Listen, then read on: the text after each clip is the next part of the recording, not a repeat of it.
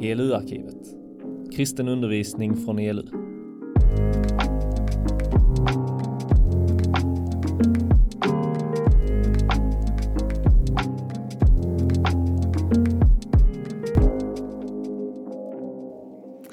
Fantastiskt roligt att få vara här.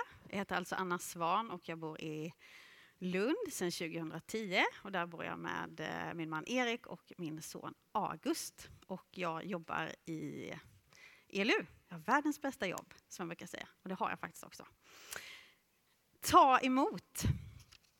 Ta emot det överflödande livet. Ta emot det överflödande livet. Det är det som är rubriken för den här kvällen. Och jag tänker så här, vi rockar och rullar, vi kör. Och eh, du som har din bibel med dig, du får gärna hänga med då till kvällens text som är Lukas kapitel 12 och några verser där. Och Lukas finns alltså i Nya Testamentet, i andra halvan av Bibeln och en av de fyra första böckerna och biografin om Jesus. Så Lukas kapitel 12 med start i vers 22. Och jag tänker så här att vi faktiskt kanske kan stå upp. Ska vi göra så? Ja.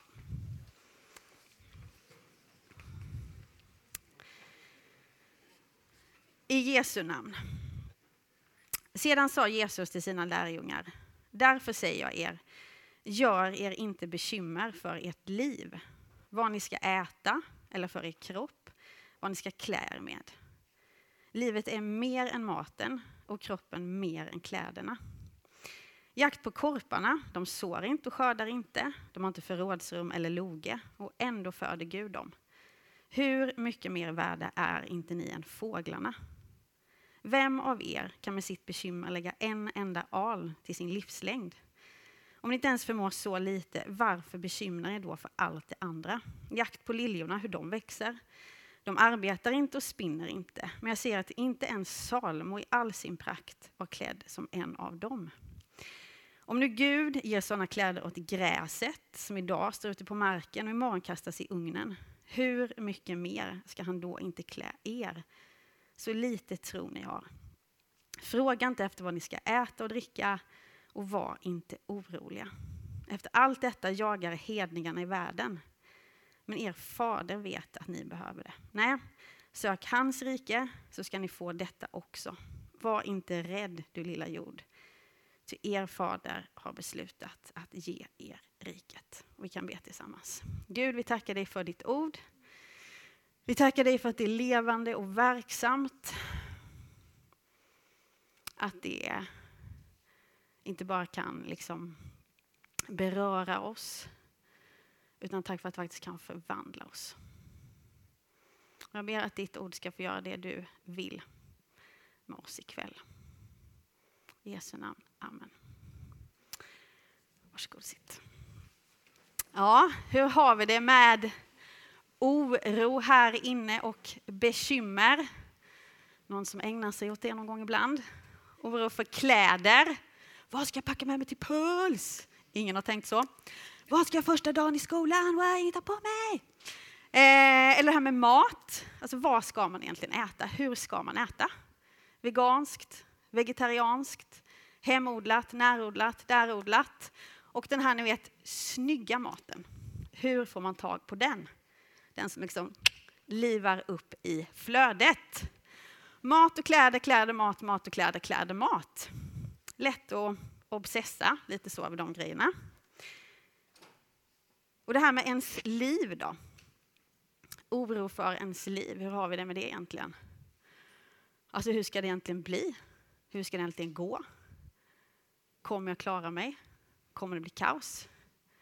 Om du känner igen dig i någon av de här tankarna så är det här din kväll.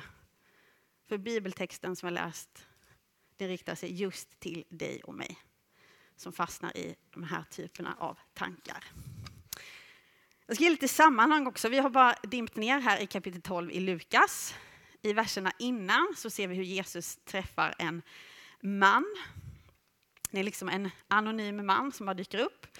Han har en fråga till Jesus om ett arv.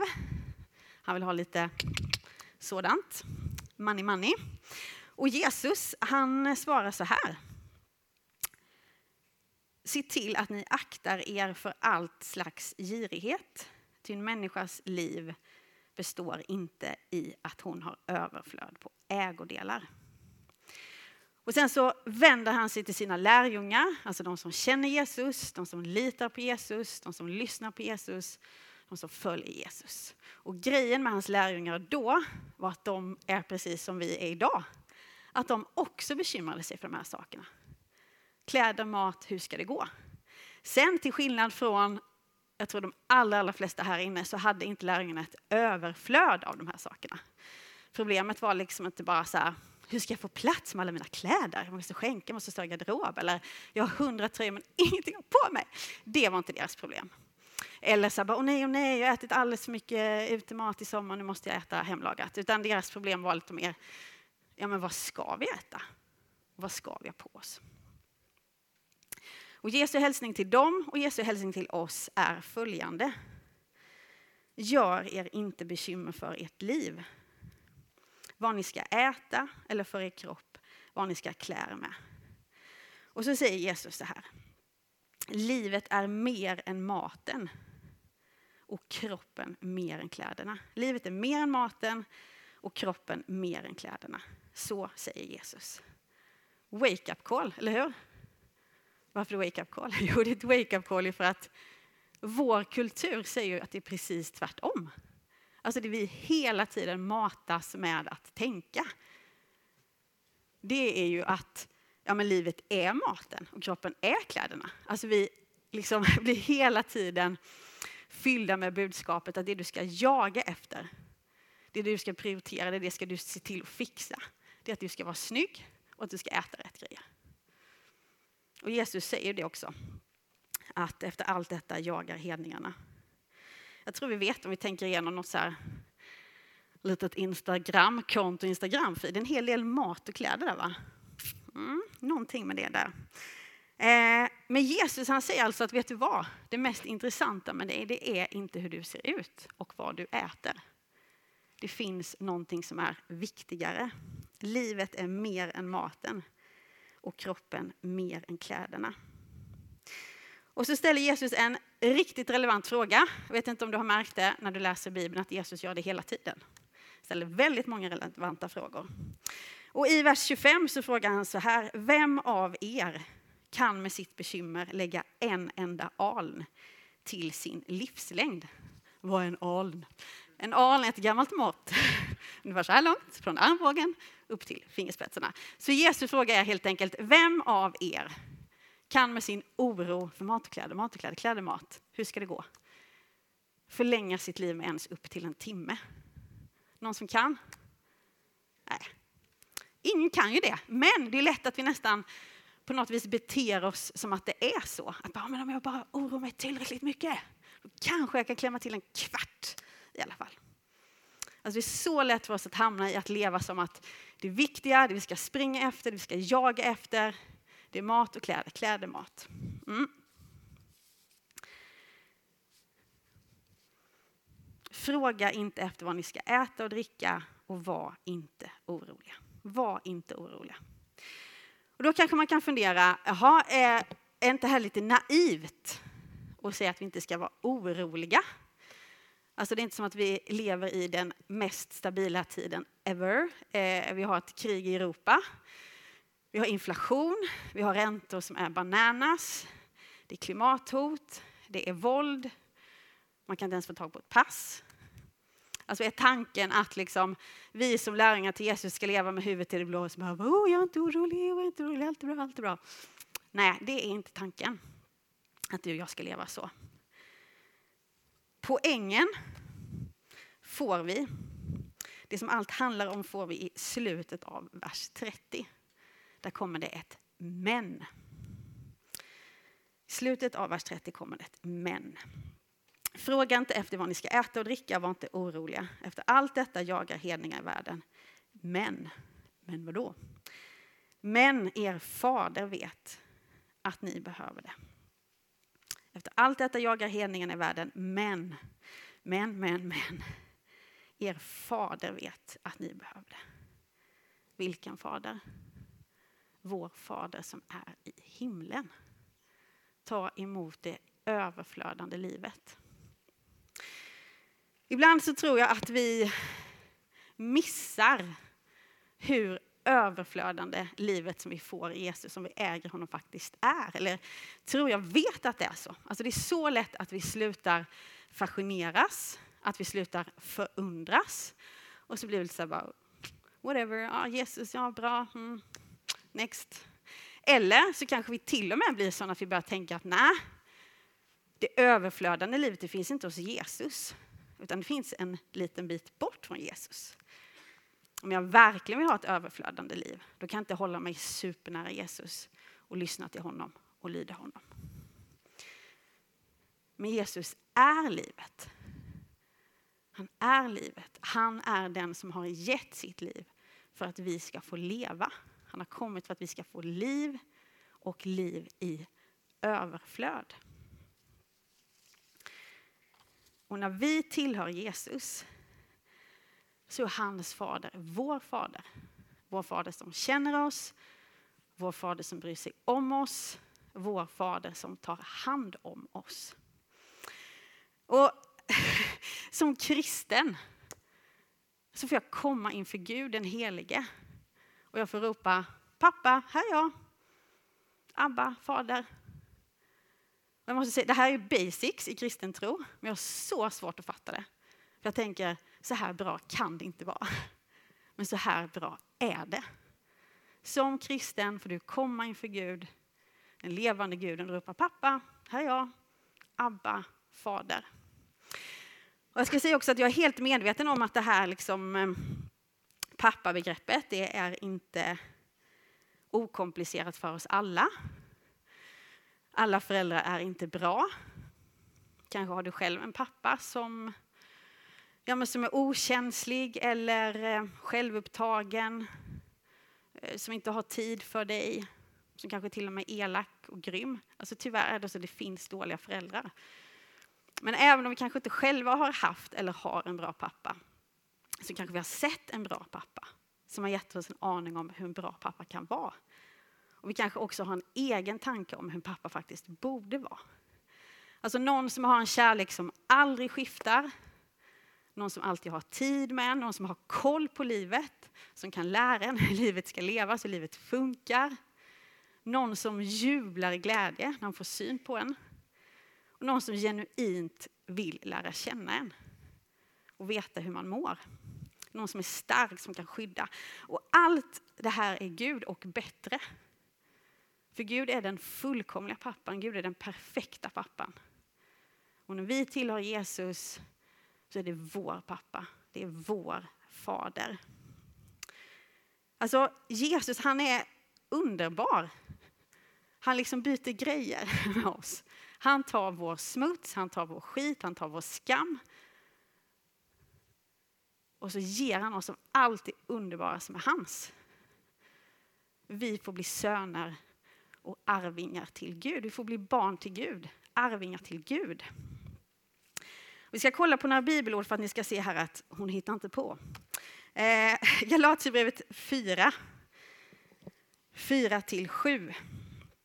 Men när tiden var fullbordad sände Gud sin son, född av kvinna och ställd under lagen, för att han skulle friköpa dem som stod under lagen, så att vi skulle få söners rätt. Och eftersom ni nu är söner har han sänt i våra hjärtan sin sons ande som ropar Abba, fader. Så är du nu icke mer träl, utan son. Och är du son, så är du också arvinge, insatt därtill av Gud. Första Johannesbrevet 3.1. Se vilken kärlek Fadern har skänkt oss, att vi får kallas Guds barn. Och det är vi också. Men åt alla de som tog emot honom, alltså Jesus, gav han rätt att bli Guds barn åt de som tror på hans namn. Johannes 1 och 12. Alltså Gud som har skapat allt. Han har sett på dig, han har tänkt på dig och tänkt honom ska jag ha, henne ska jag ha. Och inte som någon ytlig bekant, inte som någon anställd, inte ens bara som lärjunge, utan som sitt älskade barn, som sin arvinge. Och sen har Gud gjort allt, han har gett allt, han har betalat allt med sitt eget dyra blod för att du ska kunna bli hans barn. Ty så älskade Gud världen att han utgav sin enfödde son för att den som tror på honom inte ska gå förlorad utan har evigt liv. Se vilken kärlek Fadern har skänkt oss, att vi får kallas Guds barn. Och det är vi också. Hörrni, vad tänker ni? En bra pappa? Tar en bra pappa hand om sina barn genom mat och kläder? Ja. Om då Gud är den fullkomliga pappan, tror vi att han kommer ta hand om sina barn och ge dem det de behöver av mat och kläder? Ja. Ändå är det väldigt svårt att tro det. Man kan lätt bli misstänksam ändå. Ja, fast kommer han verkligen? Mm. Och då vill Jesus hjälpa oss så att den här poletten ska trilla ner. Och så får vi två tips. Och det första tipset är ett tips som jag tror att du har aldrig fått i livet någonsin. Ge akt på korparna. Tips nummer ett. Ge akt på korparna.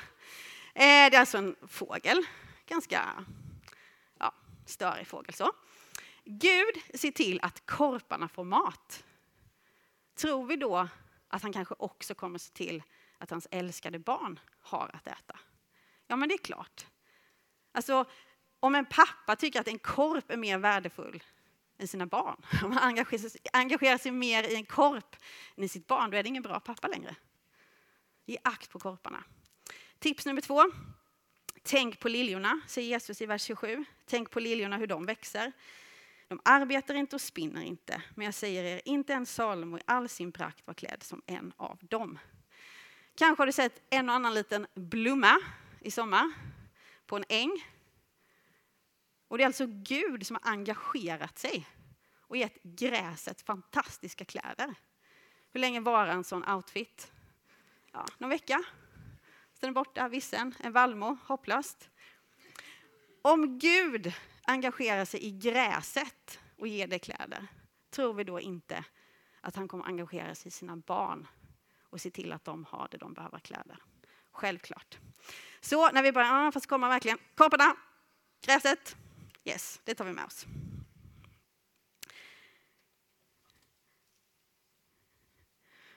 Och jag ska säga att det här handlar ju inte om att, nej, nu fick ingen mer tänka på kläder någonsin. Du fick ingen mer planera en outfit någonsin. Alla ska liksom, när vi klär på oss som kristna så blundar vi, tar något, garderoben, som inte ska passa ihop. Självklart är det inte så. Du får höll på säga, köpa hur mycket kläder du vill. Eh, kanske det inte var för dina föräldrar. Men du får köpa nya kläder, du får köpa snygga kläder, du får tänka på kläder, du får sätta ihop jättesnygga outfits. Och du får tänka på mat, du får planera mat. Alltså mat och kläder är inte oviktigt.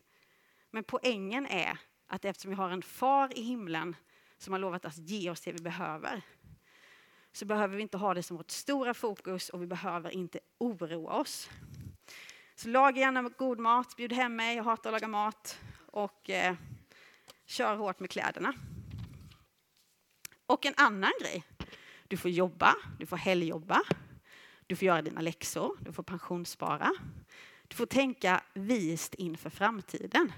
Det är inte så att, eh, tyvärr för alla latmaskar här inne, och av dem är jag den största. Nej, men eh, det är inte så att wow, vi har en far i himlen som tar hand om oss. Yeah! Alltså kan jag bara ligga hemma och kolla på serier resten av mitt liv.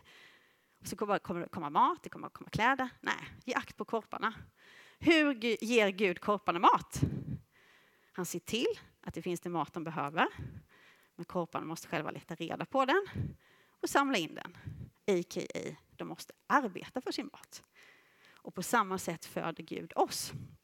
Så Guds omsorg och vårt arbete är inte motsats utan de hänger ihop. Men sen är det så att det är Gud som ger kraft, förmåga, ork och energi att arbeta. Okej, okay, så poängen är inte att vi måste ha fula kläder, eller det får man såklart man vill.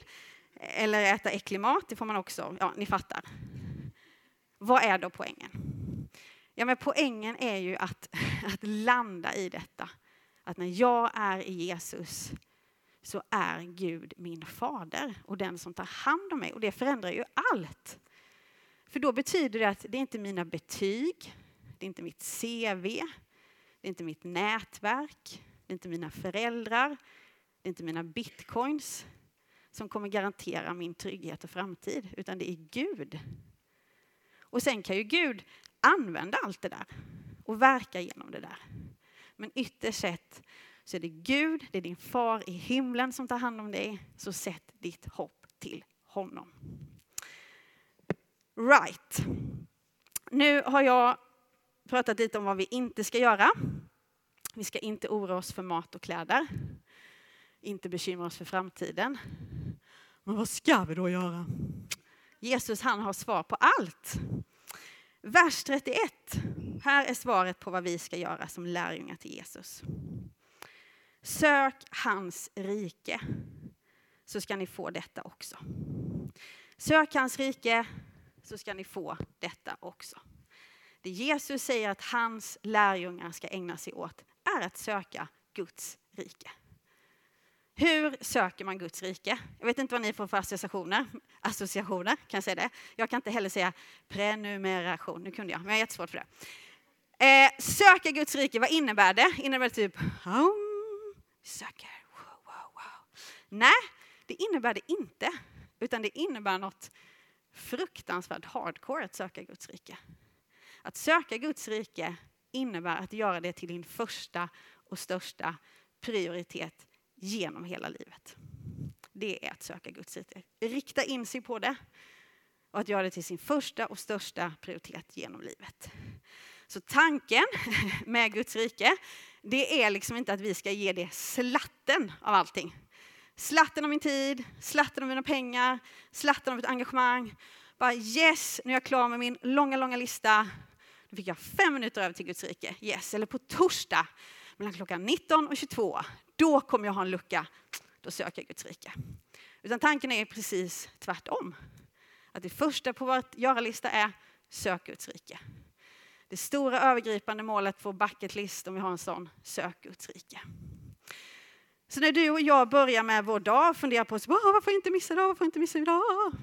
Att söka Guds rike. När vi funderar på våra liv, så bara okej, okay, vad får jag inte missa? Ja, men att söka Guds rike. Och det fantastiska är ju att Gud har lovat att när vi söker hans rike så kommer han ge oss allt det andra också. Han kommer ta hand om oss. Så ge generöst till Guds rike, ge inte slatten till Guds rike. Ge generöst av din tid, av dina pengar, av ditt engagemang. Superutmanande, jag vet.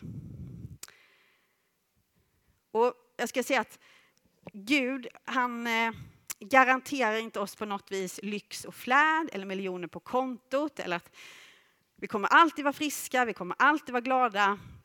Nej, men vi kommer alltid ha allt vi behöver. Jag är inte supergammal, men ändå börjar jag bli ganska gammal. Och Gud har alltid sett till att jag har allt jag behöver. Han är trofast. Vi pratade lite innan om att vi lever i en orolig tid på många sätt.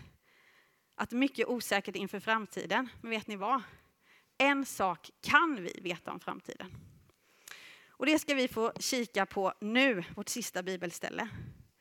Det finns en sak som du kan veta garanterat om framtiden och det är det här. Vi ska läsa från Filipperbrevet kapitel 2 från vers 6. Och det handlar om Jesus. Fastän han var till i Guds gestalt räknade han inte tillvaron som Gud, såsom segerbyte, utan utgav sig själv genom att anta en tjänares gestalt där han blev människa. Han som till det yttre var som en människa ödmjukade sig och blev lydig ända till döden, döden på korset.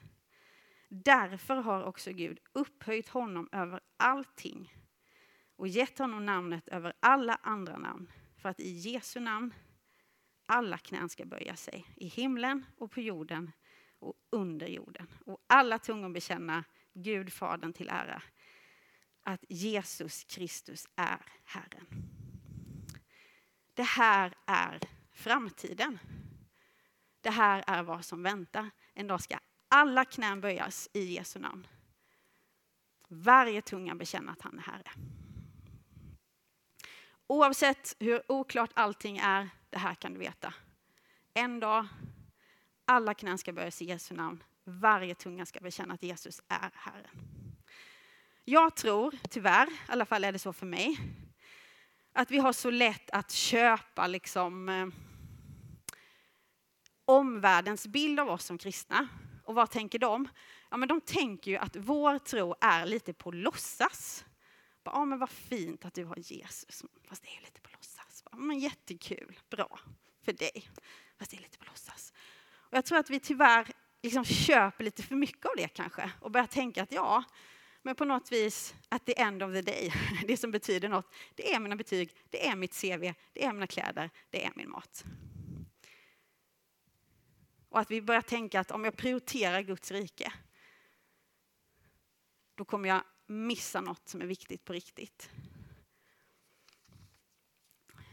Men alla knän ska böjas i Jesu namn och varje tunga ska bekänna Jesus. Alltså det är för Jesus alla ska böja knä. Det är inte så att en dag ska alla böja knä för den perfekta outfiten eller den godaste maten. Eller det mest liksom fantastiska CVet. Eller den mest härliga, övre, bekväma medelklasslivsstilen. Utan en dag ska knäna böjas för Jesus. Varför? För han är Herre. Alltså, Jesu rike är det rike som kommer stå kvar när allting annat har fallit.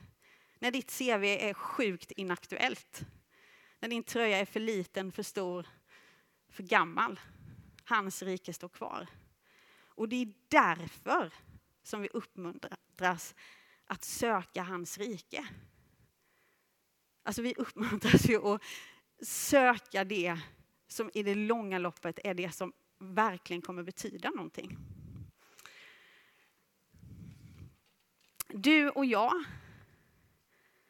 är inbjudna att ta emot det överflödande livet och det finns hos Jesus. Och det som är lite spännande med det överflödande livet, det är att först och främst så är det en person. Alltså det överflödande livet är inte något Gud har som man bara tjoff, tjoff, alltså någon liten sån massa eller liksom Stardust. Eh, utan det överflödande livet är en person. Gud ger oss inte tuff, tuff, Stardust. Han ger oss det finaste han har, sin älskade son. Vi får Jesus. Och Jesus tar oss in i gemenskap med Gud, in i relation med Fadern. En dag kommer alla knän böjas för Jesus. Varje tunga bekänna och därför är det smartaste vi kan göra att börja med det redan här och nu. Vi ber tillsammans. Gud, tack för att du är så god. Tack för att du är fader, evig fader. Oh, förlåt oss för att vi har så svårt många gånger att fatta det. Tack för att du vill ta hand om oss, tack för att du tar hand om oss. Tack för att vi inte behöver oroa oss. Jesus, tack för att du inte är vår lilla Molgan, låtsaskompis, utan tack för att du är Herren. Du är på riktigt, ditt rike, det vinnande riket. Tack för att du inbjuder oss att leva för det som kommer bestå, att investera i det som kommer bestå, att engagera oss i det som kommer bestå. Tack för att du känner alla dina barn, tack för att du känner oss alla här inne. Tack för att du vet vad vi behöver. Jag ber att du ska tala till oss det vi behöver. Att du ska verka den här kvällen och att du ska verka resten av Puls. I Jesu namn, Amen.